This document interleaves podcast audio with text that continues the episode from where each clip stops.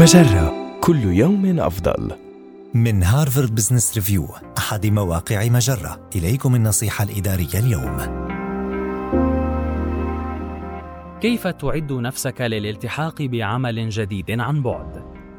لا يمكن الادعاء بأن التأقلم مع وظيفة جديدة مسألة سهلة ولكنها قد تزداد صعوبة عندما تعمل من خارج المقر الرسمي للعمل.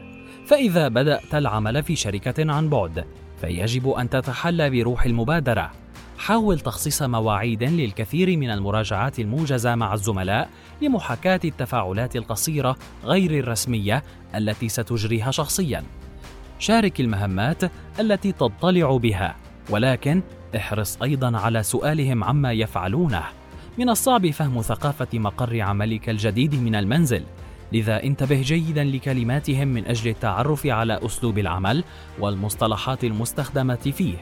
حاول تحديد الأشخاص الذين يستطيعون مساعدتك على تحقيق النمو في منصبك والذين يمكن أن يطلعوا بدور الموجهين.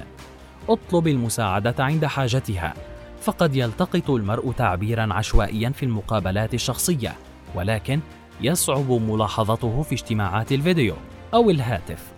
أخيرا لا تتردد في تقديم نفسك كموظف جديد عند الانضمام إلى الاجتماعات أو المنتديات الرقمية مثل منصة Slack ومن شأن اتخاذ هذه الخطوات المبكرة أن يؤهلك للنجاح في المستقبل.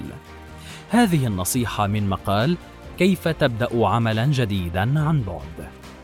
النصيحة الإدارية تأتيكم من هارفارد بزنس ريفيو أحد مواقع مجرة مصدرك الأول لأفضل محتوى مجرة عربي كل يوم على الإنترنت. أفضل.